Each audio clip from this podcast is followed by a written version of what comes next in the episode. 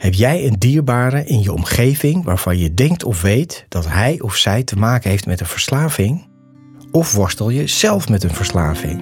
Dan ben je hier op de juiste plek. Mijn naam is René van Kolm en na 30 jaar verslaving ben ik clean en in herstel vanaf 2010 en werk ik sinds 2015 als familiecounselor. Dit houdt in dat ik de mensen in de directe omgeving van iemand met een verslaving help. Want als je dicht bij iemand staat die verslaafd is, is het echt belangrijk dat je weet wat je wel en beter niet kan doen. In deze podcast, in samenwerking met Lev Magazine, neem ik je mee in de wereld van verslaving en de verslaafde.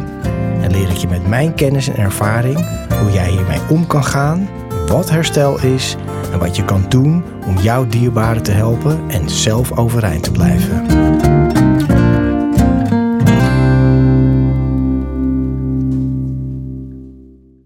Lieve mensen, welkom bij een nieuwe aflevering van de podcast van Verslaving naar Vrijheid. Mijn naam is René van Kolm en vandaag ben ik super blij en heel enthousiast, want ik heb een hele mooie, fijne gast en dat is niemand minder dan Joris Linsen. Het is bijna onmogelijk, maar voor wie Joris toch niet kent, wil ik even wat vertellen over Joris. Wat hij allemaal gedaan heeft. Ik zet wel een bril op, want dat is nodig tegenwoordig. Van 2001 tot 2006 presenteert Joris bij de NCRV het programma Nou, dat hebben jullie vast wel gezien, waar je een taxi met verborgen camera's gesprekken voert met random passagiers. In 2008 blaast Joris de klassieke showroom nieuw leven in. Joris Showroom. Mooie portretten van excentriekelingen. Nou, en vanaf 2005 is Joris presentator van de NPO-hit Hello Goodbye. Nou, als je dat niet gezien hebt, heb je echt wat gemist. Supermooi programma waar hij uh, spontaan praat met mensen die op de luchthaven Schiphol iemand komen ophalen of wegbrengen. Ontroerende, grappige en niet zelden onthullende gesprekken. Joris is geregeld te gast in talkshows bij uh, Eva Jinek, M, De Wereld Draait Door, hele veel verschillende televisieprogramma's en zelfs bij de Masked Singer. Dat vond ik wel weer apart, Joris. Ja, als lama. Als lama, ja, wat mooi. Super. Nou, en het nieuwste televisieprogramma, en dat is ook waar Joris en ik elkaar van kennen. En toen heb ik hem gelijk gevraagd voor de podcast en hij zei ja. Is het zeer goed ontvangen Boeddha in de polder, een serie die in de laatste week van het jaar wordt uitgezonden. Uh, eind 2022 volgt het tweede seizoen van deze inspirerende programma van de boeddhistische blik en de KRO NCRV. En nou, daar kennen wij elkaar ook van, hè, want daar, daar mocht ik mijn verhaal doen. Ja. En toen heb ik je gelijk gevraagd. Maar we zijn er nog niet. Joris is, en dat vind ik natuurlijk superleuk, Joris is ook muzikant, zanger met je eigen band Karamba. Ja. Hè, waar jullie vertelden net superveel optredens hebben per jaar. Ja, we spelen zo'n 100 keer per jaar en uh, we bestaan ook al uh, bijna 25 jaar. Dus, uh... nou, het is echt wel, ja, echt heel leuk. En je, had, je vertelde ook nog, je had een grunge band ooit vroeger daarvoor. Ja, ik ben ooit begonnen op mijn zestiende in, in punkbandjes in Eindhoven. En daarna in Utrecht had ik de Vendetta's. Dat was een uh, ja, gitaarrockband, grunge. Uh, we speelden oh. toch wel uh, één, twee keer per week. En ook in Paradiso, ja. Vredeburg, Melkweg, al die dingen en zo. Ja, heb ik zeven ja. jaar gedaan. Daarna heb ik nog heel lang, dertien jaar lang, smartlappen gezongen met een knipoog. en uiteindelijk dus nu al bijna 25 jaar, ja, Mexicaanse liedjes was het afhankelijk vertaald naar het Nederlands. Maar het is eigenlijk gewoon Nederlandstalige muziek. We maken allemaal eigen nummers. Nou, ik heb het gezien op YouTube, ik heb geluisterd. Dus het is heel feestelijk, heel spetterend, vuurwerk, heel levendig. Het zag er supergoed en swingend uit. Dat is heel leuk. Dus nou, we zijn collega's, muzikanten. Mm -hmm. En, uh, nou, en uh, de reden waarom ik Joris heb gevraagd voor dit kanaal. Want als jullie denken, nou, Joris is helemaal, gaat niet goed met die man, zit zwaar in alcohol of drugs. Dat is niet het geval, lieve mensen. Maar Joris heeft een heel mooi boek geschreven. Dit boek is echt een aanrader. Het boek Louis. En dat gaat over Joris, zijn stiefvader. Ja, nee, mijn ouders zijn gescheiden op een hele uh, liefdevolle manier. En, uh, ze ja. zijn er allebei nog in leven. En ze wonen ook vlak bij elkaar, een paar straten van elkaar af. Maar mijn moeder kreeg uh, zo'n 35 jaar geleden verkering met Louis. Dat, dat werd mijn stiefvader toen. Ja. Ik was toen 17. En Louis heeft ongelooflijk veel invloed op mij gehad en indruk op mij gemaakt. Mm. En, en dan ben ik natuurlijk heel benieuwd op welke manier. Ik heb ik heb uh, stukken uit je boek gelezen, maar jij vertelde ook, jouw vader had, jouw vader had wel ook een probleempje. Nou, die had een heel groot probleem. Die was uh, alcoholverslaafd ja. en, uh, en gokverslaafd. Ja. En dat was eigenlijk ook wel logisch als je weet wat hij allemaal heeft meegemaakt. En dat Ja. heb ik in het boek beschreven. En dat kon eigenlijk ook vooral heel goed gaan, omdat dit was echt zijn laatste wens van Louis. Hè? Hij is eh, Ja. bijna vier jaar eh, geleden overleden. maar zijn laatste wens was eigenlijk een boek over zijn veelbewogen leven. En in zijn geval was het ook echt een heel heftig leven. Maar ik, dat wisten wij ook allemaal wel. Maar ik dacht, ja, dat wordt een heel anekdotisch boek. En, en ik, ik wist het niet helemaal goed. Tot ik een jaar na zijn overlijden zijn, eh, zijn dochter sprak. En ook, die ook een vriendin en een stiefzus van mij is. Suzanne. En zij vertelde dat hij allemaal brieven had gestuurd, Louis, aan haar. Over, eh, al twintig jaar geleden zo, over zijn kindertijd. En toen ik die brieven mocht gebruiken en lezen, dacht ik, ja, dit boek moet geschreven worden. Moet geschreven En dat heb ik gedaan. Mooi, supermooi. Nou, eh, ik wil toch toch eventjes om af te trappen... dat we even een idee hebben over wie Louis is. Even een stukje van de, van de, de cover of de binnenkant lezen. De man heet Louis van S. Hij wordt geboren in een taxi, te vondeling gelegd... en later weer teruggehaald door zijn moeder, een prostituee uit Den Haag. Hij groeit op in kindertehuizen en pleeggezinnen. Wanneer hij 21 jaar oud is, wordt zijn moeder door een klant vermoord terwijl Louis onschuldig in de gevangenis zit in Parijs. Daarna volgen avontuurlijke jaren vol gokken, drank en twee stuk gelopen huwelijken met dezelfde vrouw. Dat is dus, Dat was zijn eerste dat was de eerste vrouw. Totdat Louis zijn grote liefde vindt en dat is dan jouw moeder, de Ja. moeder van de 17-jarige Lo- Joris. Ja, nou, het is wel een, een heftig begin van zijn verhaal. Dus Ja, dat is echt een valse start ja, dat kan je wel zeggen. van Ja. een leven. ja, dus toen jij 17 was, kwam hij in jullie leven. Ja.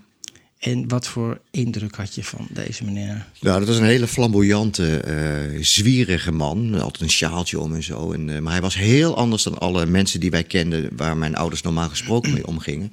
Ik groeide op in een beetje eh, ja, progressief, intellectueel milieu... met heel veel kunstenaars, dolle mina's, woongroepen. In, kenden wij. Ik bedoel, wij waren eigenlijk de meest normale van, van alle kennissen en vrienden die mijn ouders hadden. We waren een soort hippiegezin. En toen kwam mijn moeder opeens met deze man. Ik weet nog heel goed, de eerste keer dat eh, hij aanbelde. Hij, hij kwam dan bij mijn moeder eten. Ik Ja. woonde toen bij mijn vader. Maar ik had gekookt bij mijn moeder. Voor, voor hem en eh, voor, voor mijn moeder en voor die nieuwe vriend dan. En eigenlijk ben je als zoon altijd een beetje argwanend. Als, als je moeder een nieuwe partner eh, gaat en voorstellen. terecht. Ja. Dus ik was heel erg huiverig daarvoor. Ik deed die deur open en er stond een man in een lange regenjas. Met een, eh, een sjaal met koffievlekken. eh achterovergekant haar, een soort Haagse Harry. Met een Haagse accent. Ik denk, nou, dit is helemaal niks. Dit, dit, dit gaan wij niet doen. Dus ik heb hem wel binnengelaten. Dat Toen wel. kwakte ik zo de reumertop op tafel. Ik, ik had eh, iets gemaakt met eh, gehakt met eh, paprika's in zo'n Ja. zo'n ouderwetse stoofpot, weet je wel. Die heb ik echt zo neergekwakt als een soort verdict van, nou, lekker Ja. dan. Maar hij begon te praten en, hij, en te luisteren. Hij, hij was ook heel geïnteresseerd in mij. Hij was heel lief voor mijn moeder. Hij was charmant. Hij was fantastisch. Daarna hebben we nog een potje Monopoly gespeeld en zo. We hadden altijd, mijn moeder noemde we altijd de spelletjesmoeder. Ja, dus leuk. hij, hij nou, ook later hebben we ook heel veel gekaart. Hij kon ook kaart als geen ander. Want hij had natuurlijk la- jarenlang Blackjack Ja. gespeeld. En het was echt een, een kroegtijger. Maar die man, eh, die Louis, die, die veroverde mij eigenlijk al Gelijk. binnen 10 minuten. En Mooi. ik snapte mijn moeder helemaal. Mooi, mooi. En nou ja, goed, dus dat is eigenlijk de introductie met Louis dan. Hè? Dat is eigenlijk Ja. superleuk. En dat is ook wel vaak zo, moet ik zeggen. Ik maak nu even een klein bruggetje. Niet om alle mensen over één kam te schillen. Maar vaak zijn mensen ook met de verslaving... ook hele leuke mensen, heel inspirerend. Kan goed praten. Hij was ook heel outgoing dus. Ja. Dus je moeder is verliefd op hem. Jij hebt hem ook eigenlijk in je hart gesloten vrij snel. En eh, nou, en ja, en hoe ging het dan verder? Wanneer kreeg jij bijvoorbeeld een gevoel of een indruk van deze man heeft ook wel een probleem? Of kwam je moeder daarmee? Hoe ging dat? Nou, Louis was een eh, periodieke drinker. Dus eh, soms, eh, als hij dan begon te drinken, dan was dat ook gelijk een paar dagen en zo. Dus dat begon dan eigenlijk heel gezellig. De- dus ik heb hem ook wel, ben ook wel met hem naar het café geweest. Ik heb ook wel samen met hem gedronken. was heel leuk. Maar dan, dan ging ik na een tijdje naar huis of zo. En, maar dan bleef hij dus kennelijk weg. Soms dagenlang. Hij was gewoon zoek. En hij vertelde ook altijd toen al van... eh, ja, eh, voor, eh, voor mij is één te veel en honderd te weinig. Dus als hij eenmaal begon te drinken... Ja. dan begon dat te werken in zijn lichaam... en dan wilde hij meer en meer en dan kon hij niet meer stoppen. Ja. Eh, aanvankelijk vonden wij dat allemaal nog wel leuk. Ik dronk in die tijd zelf ook best veel. Ik was 17, eh, 18 en zo. En eh, ook bij vrienden en zo. Dus het- wij vonden het geweldig. We, we kwamen hem ook tegen op het straatmuseum in Eindhoven. Waar wij dan uitgingen, kwam hij ook soms het café binnen. Dus het was hartstikke leuk. Het was natuurlijk toch. Op een gegeven moment ben ik verhuisd naar Utrecht en eh, had ik iets meer afstand genomen, natuurlijk, van mijn, mijn, ouders, van mijn moeder en Louis en van mijn vader en zo. En dan hoorde ik wel van ja, hij is, hij is zoek. Hij was gewoon, gewoon weg. Ja, gewoon een paar dagen van de wereldbodem. Ja, ja. van de aardbodem verdwenen. En mijn moeder uh, maakte zich daar heel druk over. Maar mijn zus en ik hadden ook zoiets van ja, dit, dit, dit is niet goed. Dit, dit, dit, dit kan niet eigenlijk. Nee. En uh, uiteindelijk heeft mijn dus ik hoorde het eigenlijk een beetje indirect, heeft mijn mm. moeder gezegd tegen hem van ja, uh, dit, als het zo doorgaat, dan, dan houdt dit op. En toen was uh, Louis ook weer een paar dagen weg geweest. Heeft, heeft hij aan één stuk door maar gedronken en zo. Hij sliep dan ook op bankjes of in, in hotels op de straat om zijn en zo. Eigenlijk heel sneu. Ja hij werd ook wel gezien door mensen dat hij dan s ochtends eh, vroeg met een biertje in de stationsrestauratie zat en zo. En, en toen heeft mijn moeder gezegd, ja, je moet echt stoppen. En toen heeft hij dus besloten, ja, als ik nu weer alles naar de kloten drink, dan raak ik en deze nieuwe liefde kwijt en het nieuwe gezin waar ik ben opgenomen. Mhm. En ook mijn dochter, want hij kon toen zijn dochter weer zien doordat hij een, een steady relatie had gekregen. Vond zijn ex-vrouw toch weer goed dat, ze, dat hij contact had met zijn eh, eigen dochter. En hij realiseerde zich van, dat was echt een rock bottom uh, ervaring. Als ik nu doordrink, dan is het echt afgelopen. En toen is hij gestopt. Hij heeft, uh, volgens zijn dochter, die heeft het ooit verteld, dat hij op een bankje zat in het park achter ons huis. Met een, een fles die hij open had geslagen, een fles wijn van de HEMA. En die, die had hij aan zijn lippen gezegd. Heeft hij gedacht, echt hardcore, helemaal down the drain, helemaal kapot, helemaal alleen. En toen heeft hij gezegd van oké, dit was hem, nou is het klaar. En toen heeft hij nooit meer een druppel gedronken. En is hij daarna allemaal mensen gaan helpen bij de AA. Want de AA is zijn redding geweest. Ja. Het 12-stappen-programma van de AA. Dat ken ik natuurlijk. Daar ben ik zelf ook geweest. En niet bij de AA, maar bij de NA. Maar daar zit natuurlijk nog wel wat jaren tussen. En, Zeker. En wat ik ook herken, wat jij vertelde, dat, uh, dat periodiek. Ik weet wel, bij mij was het altijd. Ik was wel altijd onder invloed van iets hoor. Ik gebruikte altijd wel wat. Maar dat was dan gewoon een beetje wiet en een beetje dit. Maar het echte hardcore gebruiken met uh, nou ja, heroïne en koken en dat soort dingen. Dat herken ik ook. Dan was ik ook een paar dagen. Dan ging ik weg. En Margreta, die kende het ook wel. Had ze een verjaardag georganiseerd. En dan zou ik dan zijn. Allemaal leuke doodjes, mensen. En ik was er gewoon niet. Maar dan ook een paar dagen gewoon helemaal weg. Telefoon uit, niet bereikbaar. En dan had achter elkaar maar doorgaan en doorgaan. Eigenlijk tot je niet meer kan lopen. En ja, het is wel extreem, hè?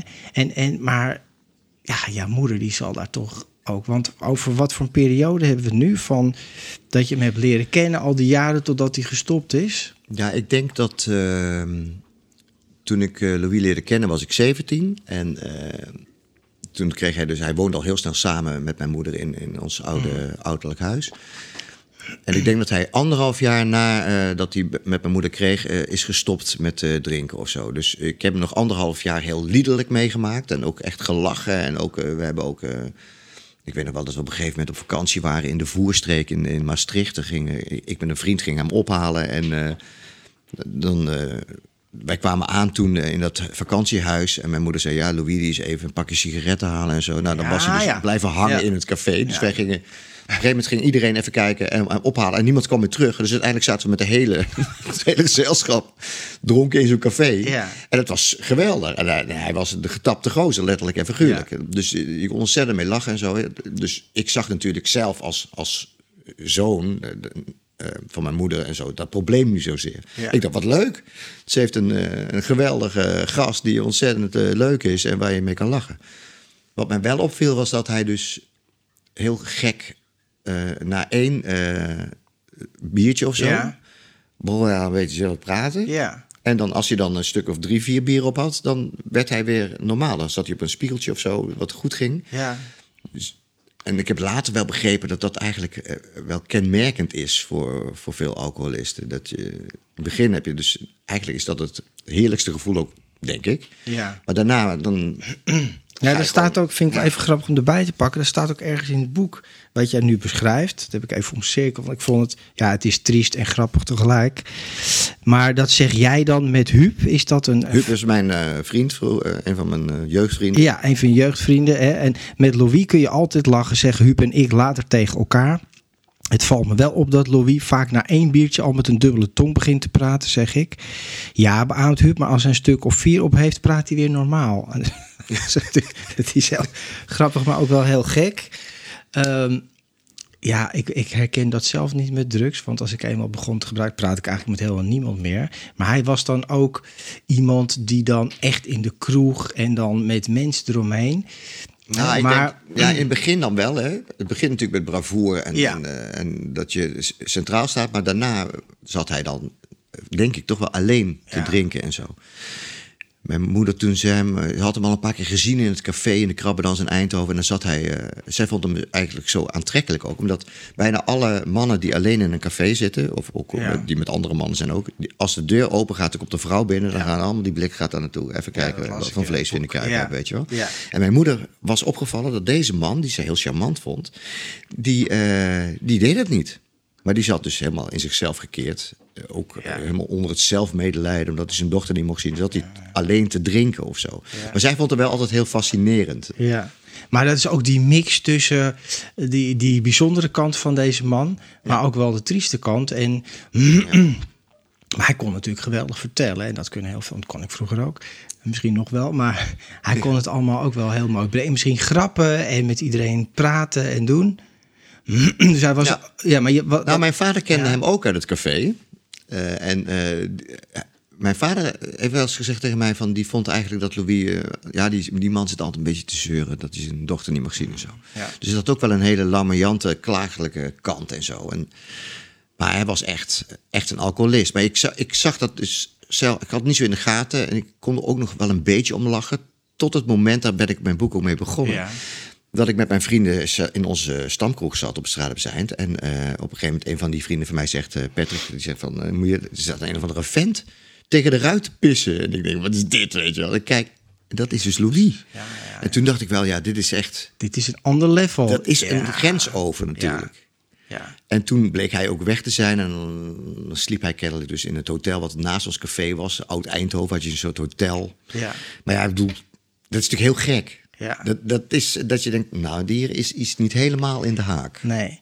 Nee, en dat is natuurlijk ook verdrietig, hè? maar ook voor je moeder. Want ook iemand waar je natuurlijk niet op kan rekenen, die er dan wel is met momenten. Je zegt ook de periodieke. Dus een tijdje ging, dan dronk hij dan ook niks? Of ging dat dan een tijd en dan Ja, dan dronk hij heel weinig. Of, of niet eigenlijk. Dus uh, had hij kennelijk geen behoefte. Maar het waren natuurlijk van die, van die dagen die voor hem heel moeilijk waren. Ja.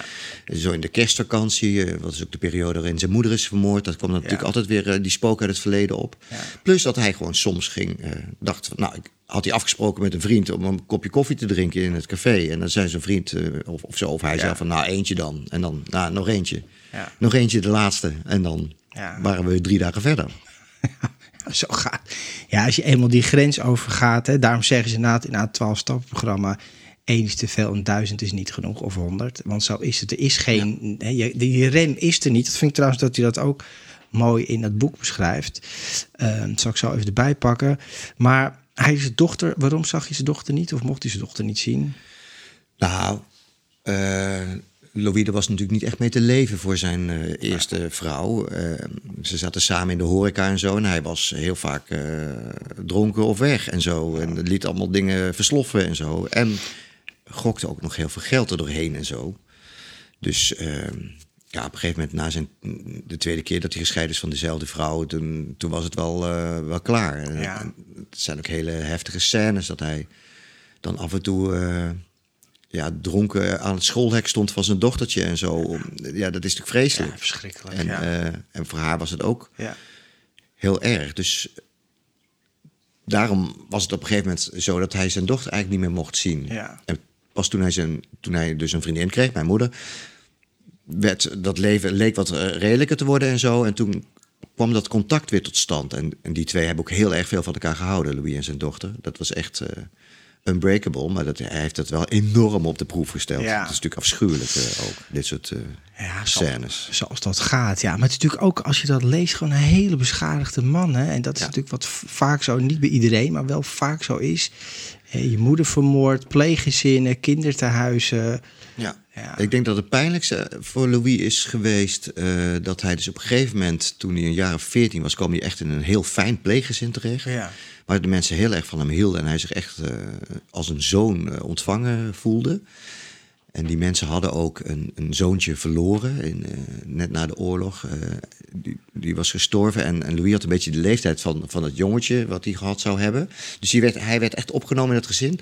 En toen uiteindelijk uh, de mensen erachter kwamen dat hij de zoon van een prostituee was, op, op de school waar hij zat, toen, heeft iedereen ingegrepen. Dus de, de, de, de pleegzorginstelling en die school hebben gezegd, de, deze rotte appel moet uit de mand, die moet weg. En toen hebben die, die pleegouders daar mee ingestemd van ja, hij moet weg. En dat is natuurlijk echt dat je eindelijk bescherming voelt en veiligheid. En dan word je opeens van de ene dag op de andere weggestuurd. Dat is eigenlijk iets dat is, ja, heel erg moeilijk om te verwerken. Ja, die veiligheid die is er. Terwijl het is nog iets zonder nog oordeel naar zijn moeder ook, maar waar hij al helemaal niks aan kan doen. Want ja. Nee, hij heeft natuurlijk ook een hele toxische relatie met zijn moeder altijd gehad. Want eh, ook toen hij 18 jaar was, hing hij ook rond in die kringen van de Nieuwe Haven in Den Haag, in, in de Rosse buurt. En was hij een soort, misschien zelfs wel als je het hard zegt, een soort pooier voor zijn moeder en zo. Dat is natuurlijk heel ongezond allemaal. En um, dat is ook het bijzondere, dat hij dat, al die vreselijke ervaringen uiteindelijk heeft kunnen omturnen naar, naar iets goeds. Want uiteindelijk is hij dus heel veel mensen uh, gaan redden bij de AA. Ja. De AA heeft hem gered en, en hij heeft teruggegeven. Ja. Um, dat hij dan namens de AA weer anderen ging redden. Ja, maar je redt elkaar daar, hè? Ja, klopt. Dat is ook heel bijzonder. En hij heeft natuurlijk in heel veel klinieken gezeten, dat zul je herkennen. hij, is heel vaak afgekikt en ja. gedetoxed en weet ik veel wat allemaal. Hij begon ja. telkens weer opnieuw. Maar die, die twaalf stappen opeens en lotgenotencontact eigenlijk...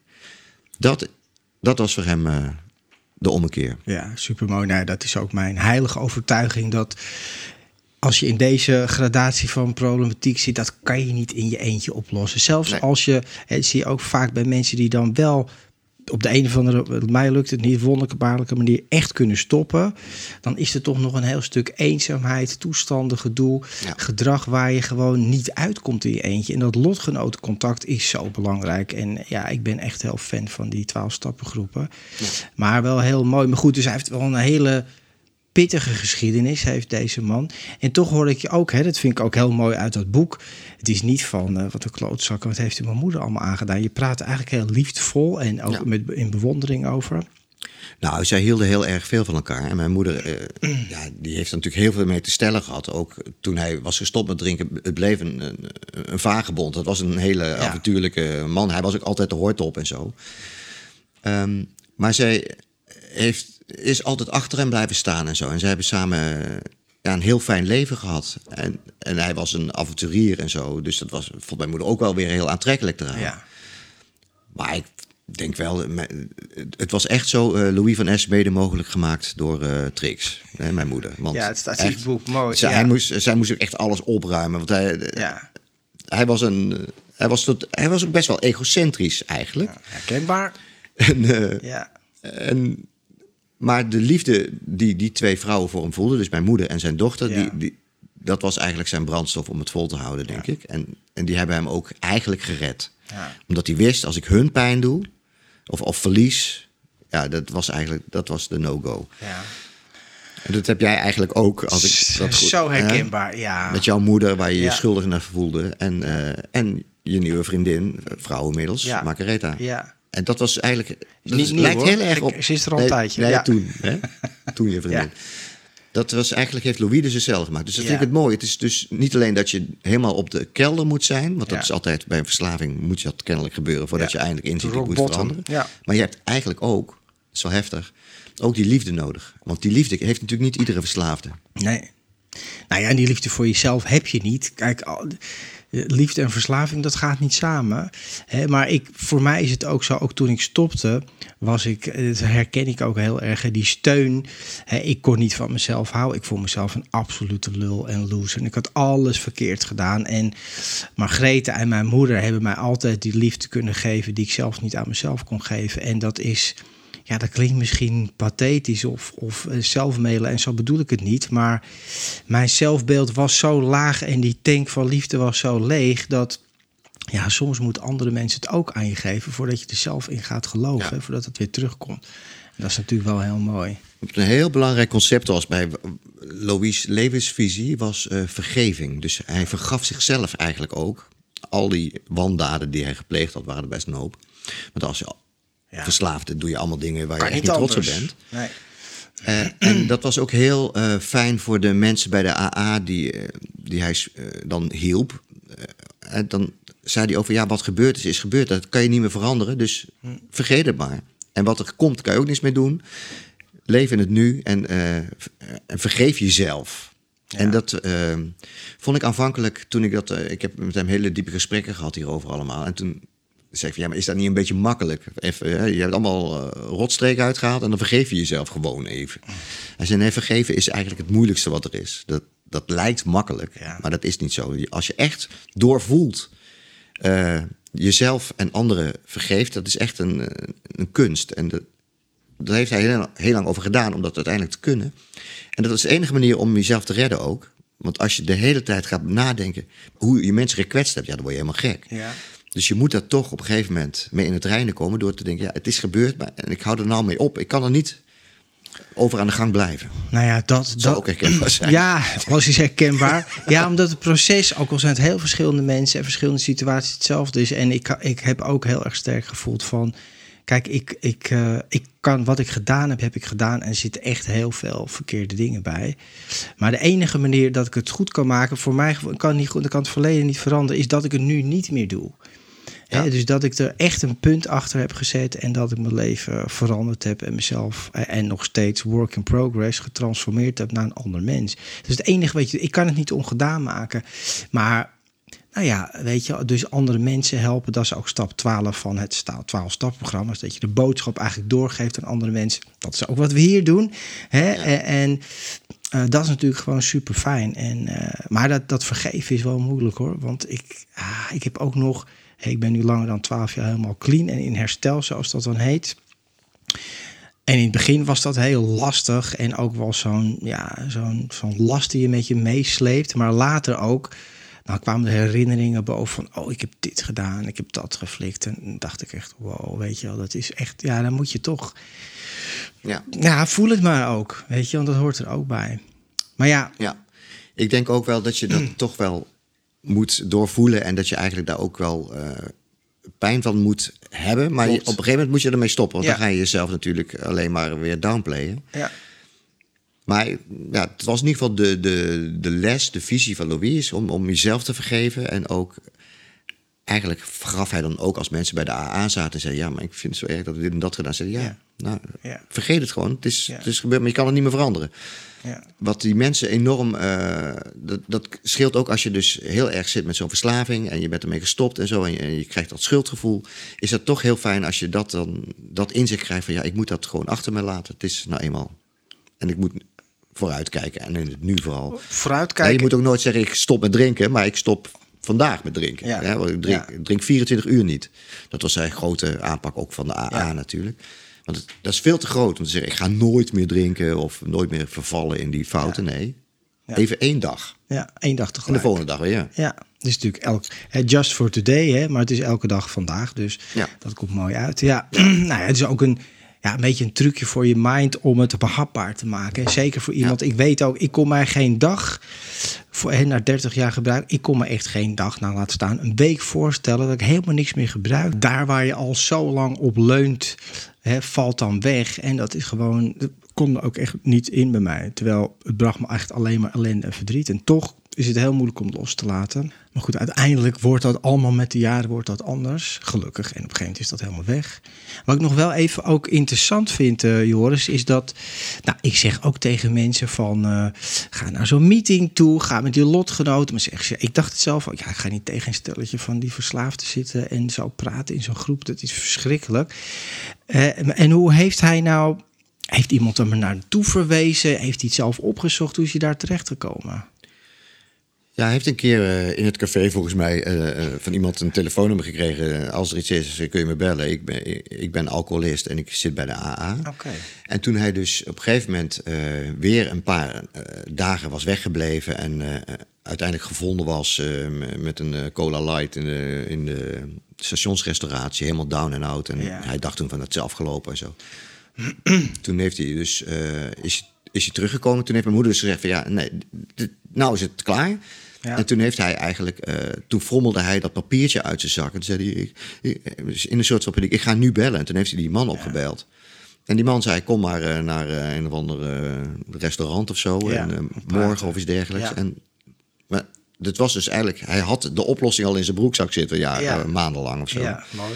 Maar hij, hij moest zo ver gaan. Ja, nou en wat heel belangrijk is, lieve mensen, neem dat vooral mee, want dat is ook al mijn boot. Ook omdat er een grens wordt gesteld. Hè? Kijk, als jouw moeder zegt, en dat gebeurde bij mij heel vroeg, uit liefde, uit alle goede bedoelingen, nou kom maar binnen en stop er een paar boterham in, ga maar even lekker op de bank zitten.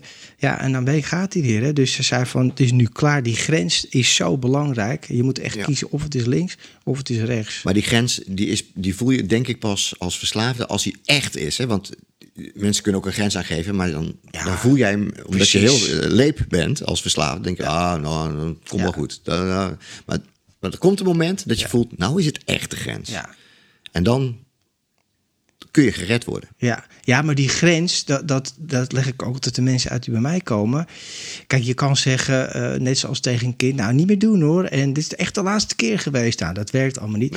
Dus diegene die die grens stelt, moet die grens ook echt voelen van, Ja. het is echt klaar. En dat was toen bij mijn, eh, mijn Margaretha wel echt zo. En heel veel vanuit liefde, maar wel, die stond wel, die grens. En mijn moeder heeft zich toen daarbij aangesloten. Ja, en toen ben ik ook, toen ja, moest ik wel, zeg maar. Dus, maar ja, wel mooi. Bijzonder. En toen is hij naar de A en dan had hij daar gelijk zoiets van: dit is, hier heb ik wat aan. Of heeft hij daarover gepraat met jullie, gedeeld van wat er gebeurt? Nou, Louis die deelde altijd heel veel, sowieso. Ook zijn hele levensverhaal en ook eh, de AA. Hij zat er altijd hoog over eh, van op te geven. Ehm, dus eh, ja, maar hij had dat echt nodig. Eigenlijk was dat zijn nieuwe verslaving, Ja, de AA. Dat was ook heilig, moest altijd naartoe. En tot op het laatste is hij gewoon van zijn leven, is hij altijd daar naartoe blijven gaan. Ook toen hij al bijna niet meer kon praten en in een rolstoel zat. En, ja, dat moest. En dat had hij ook echt nodig. ja, ja. En ehm, dus hij heeft vijf, eh, nou, 30 jaar, meer dan 30 jaar droog gestaan of zo, Ja. denk ik. En moest toch één of twee keer per week naar die AA. Ja, maar dat is wel, hè, want dat, is ook de boodschap. Dat, kijk, het is, ik zeg ook wel eens, het is net als een sportschool. Op het moment dat je daar een paar maanden, laten we zeggen, een jaar bent geweest en je stopt ermee, hè, dan heb je een goede conditie, maar dan valt die conditie weer weg. En om in herstel te blijven, moet je dat onderhouden op de een of andere manier. En dat, is, dat zijn die meetings, zijn daarvoor. Ik ben ook jaren gegaan. Ik zeg ook nu eerlijk, ik ga niet elke week meer, maar ik heb een levensstijl waar dat helemaal in zit. Want Hè, mijn uitspraak is: het gaat niet vanzelf goed, maar het gaat wel vanzelf fout. Dus als je daar niet meer komt, ja. Ja. als je daar niet meer ja. komt, dan denk je: ja, er gebeurt altijd, er komt altijd een kutdag, er gebeurt altijd wat. En dan is het van, eh, nou ja, toch één biertje of één dingetje. Nou, dat was het dan weer. Het is wel heel knap dat hij dat heeft volgehouden en ook die draai heeft gemaakt. Ja, ik denk ook dat het een avontuurlijk leven voor eh, Louis was. Want eh, hij werd dus heel vaak gebeld. Hij, dus de telefoon stond altijd aan, ook midden in de nacht. Mijn moeder werd er wel eens gek van. Wat nou weer? Weet je? Ja, en dan ging hij midden in de nacht op de fiets naar iemand toe. Van, ja, die, heeft een probleem. Die, die heeft eh, de fles weer gepakt en die ging eh, Zo helpen. gaat dat. Ja. En eh, hij is ook wel eens eh, naar eh, Griekenland geweest om iemand te redden en zo. Dat de familie zei van ja, hij is helemaal, onze familielid is helemaal aan de drank geraakt en die wil niet meer terugkomen. En dan ging hij zo iemand ophalen en meenemen in het vliegtuig, terugbrengen. Maar dat vond, dat, dat vond hij ook wel heel mooi. Dus het was ook, hij hield natuurlijk altijd nog steeds van het avontuur. Ja. Mijn moeder en hij hebben ook heel veel gereisd en zo. En hij was enorm. Hij, hij leefde echt heel erg voor, voor twee. Gewoon een enorme ondernemingszin. En, en, en eh, ook wel impulsverslaafd eigenlijk. Hij Altijd dingen mee willen maken. Ja. En, en onderweg willen zijn, de hoort op en zo. Ja. Alleen hij had zich geen drank meer en, eh, of, of, of grok. Maar dan had hij dus eh, ja, gekke dingen doen. Of ehm, ja, iets doen waar je weer een sterk verhaal aan overhoudt. Nou ja, dat, herken ik ook wel. Hè.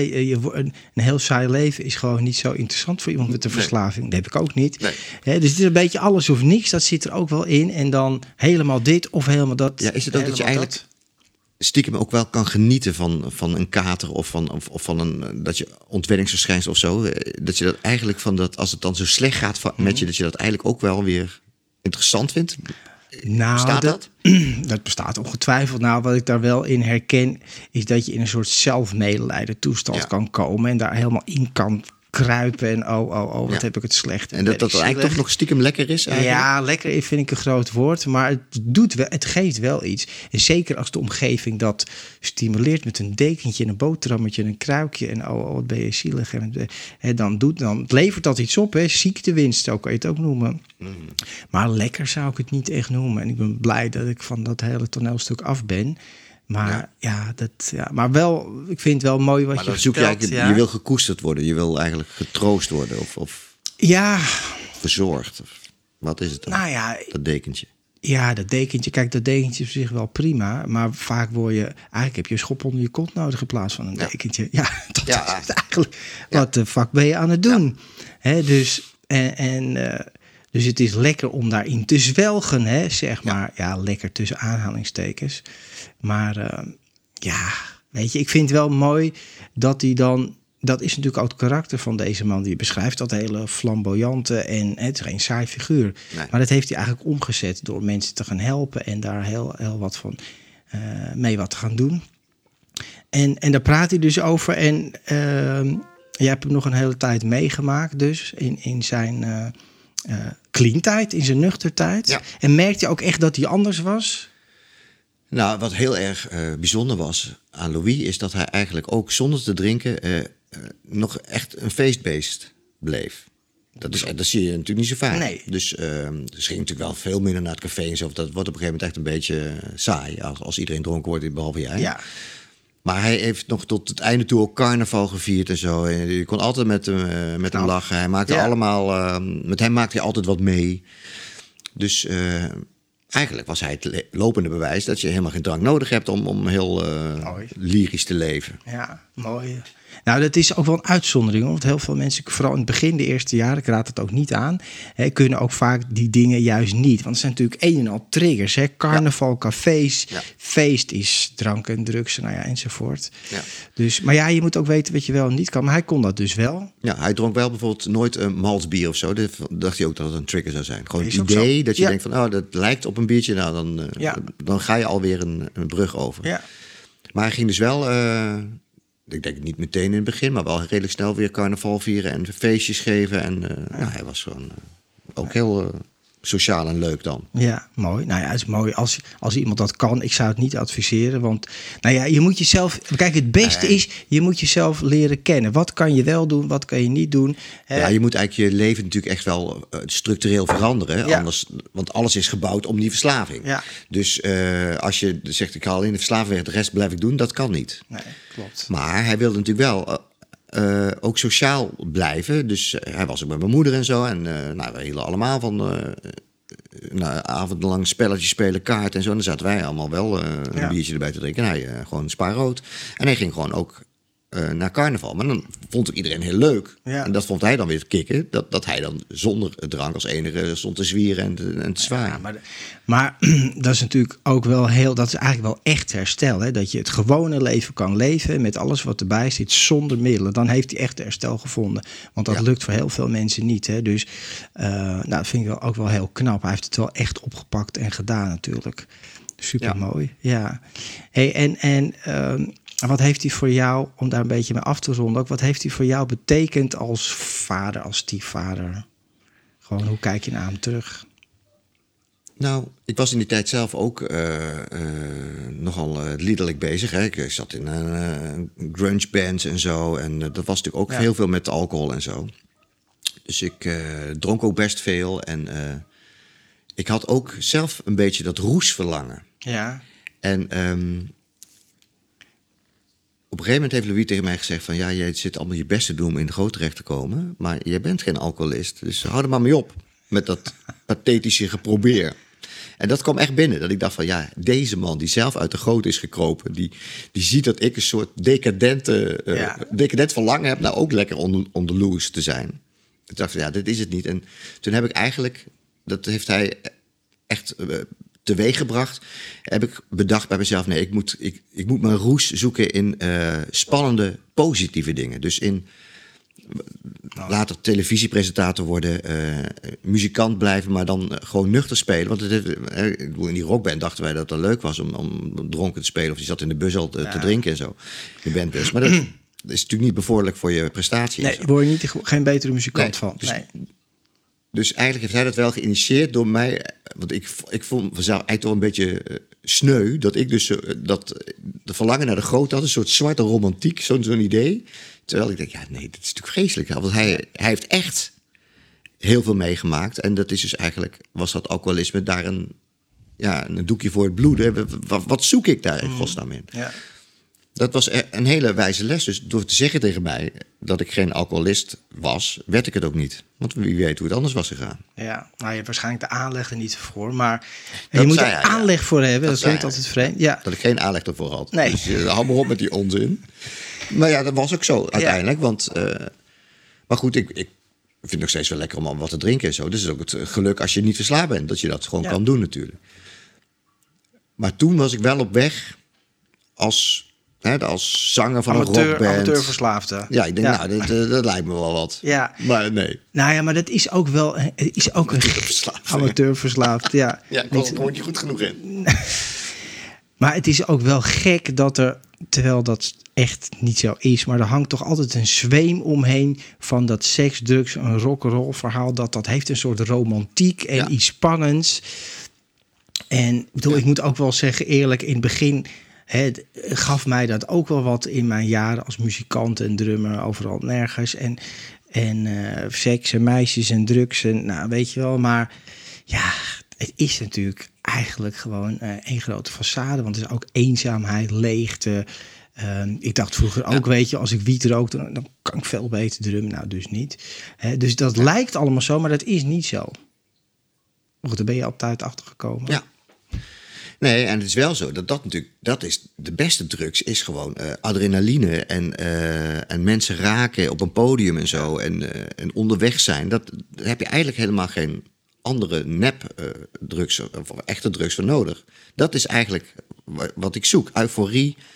Dus dat roesverlangen heb ik nog steeds heel erg. Alleen dat heb ik als jongeling dacht ik van, ah, dat is leuk als je de hele dag in het café zit of zo. Maar later, nee, het is veel leuker als je telkens andere spannende dingen ontmoet. En het, he- en het heeft ook nog nut of zo. Of Het is toch Ja. leuk. Nee, maar dat is- jezelf en voor anderen. Ja, maar dat is een. Kijk, de beste is ook remedie voor eh, verslaving, eigenlijk voor alle dingen, is een zinvol leven leiden. Wat, en Ja. moet vooral niet saai zijn. Hè? Dus iets Nee. doen wat, wat. Nou, natuurlijk, jij doet hartstikke mooie dingen. Maar natuurlijk eh, spelen, nou, presenteren. Je hebt een mooi boek geschreven en andere dingen doet. En voor andere mensen zijn het allemaal andere dingen. Het maakt eigenlijk niet uit wat het is. Maar gewoon een zinvol. eh, Ja, het gaat toch over. We hadden het eh, voor de podcast over zingeving. Het moet ergens over gaan. Maar als je dat niet hebt, ga je het toch al snel opvullen met onzin in plaats van zinvol. Ja, het, is ook een heel, het kost ontzettend veel tijd en energie hè, als je een verslaving hebt. Want Ja. je bent de hele dag bezig van, eh, ik moet eh, aan mijn trekken komen. En daarna moet je weer herstellen. En, eh, of je moet weer afkicken. Of je zit weer in de kliniek en zo. Het schiet allemaal helemaal niet op Ja. natuurlijk. En, en wat als jij nou, want je bent, ja, je hebt het wel van dichtbij meegemaakt, hè? Maar als jij het nou, als ik, maar je hebt het zelf niet, je zit niet in al die toestanden. Wat, wat, hoe zie jij nou wat verslaving is? Of hoe kijk jij daar tegenaan? Mensen die dat hebben.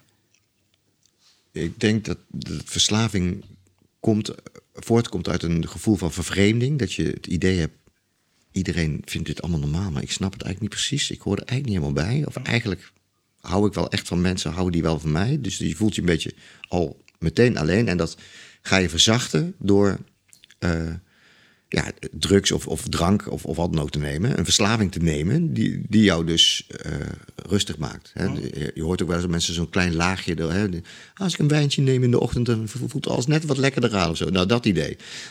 En dat loopt dan uit de hand, waardoor je eh, de slaaf wordt van een product. Van, van, Ja. En dan heb je dus een probleem. Ja. En je moet eigenlijk moet, zou iedereen die, die dit heeft, je moet iets zoeken wat, wat beter werkt dan drugs. En dat is dus uiteindelijk toch eh, liefde of iets voor een ander doen, eh, waardoor je jezelf ook fijn voelt. Ja. Dat is eigenlijk toch de, de beste drugs. Ja. Nou, ik vind deze, dat zouden we eigenlijk, ik vind dat je het super mooi vertelt. Ik zou het willen samenvatten. Uh, in zoals jij dat vertelt in een paar zinnen. Want die definities van wat een verslaving is, daar zijn nogal wat gesprekken over. Maar ik vind het heel mooi wat je zegt. En dat herken ik zelf ook. Hè, dat toch iets wat niet goed zit in jezelf, wat je probeert op te lossen met, met drank, drugs of gokken, gamen, wat dan ook. Waardoor je er minder last van hebt. Maar dat wordt al heel snel een probleem. Hè, waar je de weg in kwijtraakt. En uh, uiteindelijk gaat het natuurlijk om liefde en zingeving. En, en een leven wat echt ergens over gaat. Ik vind het wel heel mooi. En als je nu terugkijkt, hij is, hij is overleden, uh, Louis. En, en uh, hoe, hoe stond je daar aan zijn ja, graf of crematie? Was dat voor jou? Wat voor gevoel heb je dan overgehouden? Nou, ik hou nog steeds heel veel uh, van hem. En ik heb ook gezien hoe ongelooflijk oneindig veel mijn moeder van hem houdt. Ja. En ook zijn dochter. Mooi. Dus wat ik vooral heb overgehouden eraan is dat Louis zelf altijd zei: van je wordt alleen geboren en je gaat alleen weer dood. Maar eh, dat was dus niet waar. Hij is inderdaad alleen geboren, zullen we zeggen. Ja. Maar uiteindelijk is hij heel erg opgenomen in onze familie. En, uh, en is hij echt omringd door mensen die hem lief hebben gestorven. En dit heeft echt een, uh, een happy end gekregen, dit verhaal. Ja. En hij, is, hij, hij blijft een enorme inspiratiebron. En ook uh, is het fijn om zijn verhaal, wat hij altijd gebruikt heeft om andere mensen te helpen, dat heb ik nou in een boek kunnen verwerken, waardoor het ook weer mensen helpt. Ja. Dus uh, hij is er nog. Ja, supermooi. Ja, ik vind het een supermooi verhaal. En inderdaad, wat je zegt, hè, hij heeft het ook kunnen doorgeven. En, en jij doet het nu ook. Ik kan, lieve mensen, en ik krijg geen geld van Joris, dat jullie het weten. Maar ik kan het boek wel echt adviseren. Het is een mooi boek. Weer een boek van het boek Louis van hoop, kracht en ervaring. Nou, het is wel een tikkeltje verslavend hoor. De meeste mensen lezen het in één ruk uit. Ja, dat, dat is perfect. Het is niet saai. Het is lekker vlot geschreven. Het is een aanrader. En uh, weet je, dit soort verhalen hebben we allemaal nodig voor hoop, kracht en inspiratie om dingen anders te doen. En inderdaad, wat je zegt, hè, wat ik heel mooi vind daarmee af te sluiten. Hij is alleen geboren en heel veel ellende en toestanden. Maar toen hij overleed, stonden jullie daar in liefde om elkaar en heen en om hem eigenlijk heen. Dus ja, supermooi. Joris, ik wil je bedanken voor dit mooie openhartige gesprek. Ja. En bedankt voor je komst hier. En nou, lieve mensen, deel dit verhaal met andere mensen. Als jullie denken, dit is een mooi verhaal, dit is een inspirerend verhaal, hier kan ik anderen mee helpen. Dank je wel voor het luisteren en het kijken naar deze aflevering van Verslaving naar Vrijheid. Mijn naam is René van Kolm, dit is Joris Lins. En ik hoop jullie heel graag te zien bij een volgende nieuwe aflevering. Dank je wel, tot de volgende. Bedankt voor het luisteren naar deze aflevering van Verslaving naar Vrijheid. Wil je mij een vraag stellen of heb je mijn hulp nodig? Neem dan contact met me op via mijn website renévancolum.nl.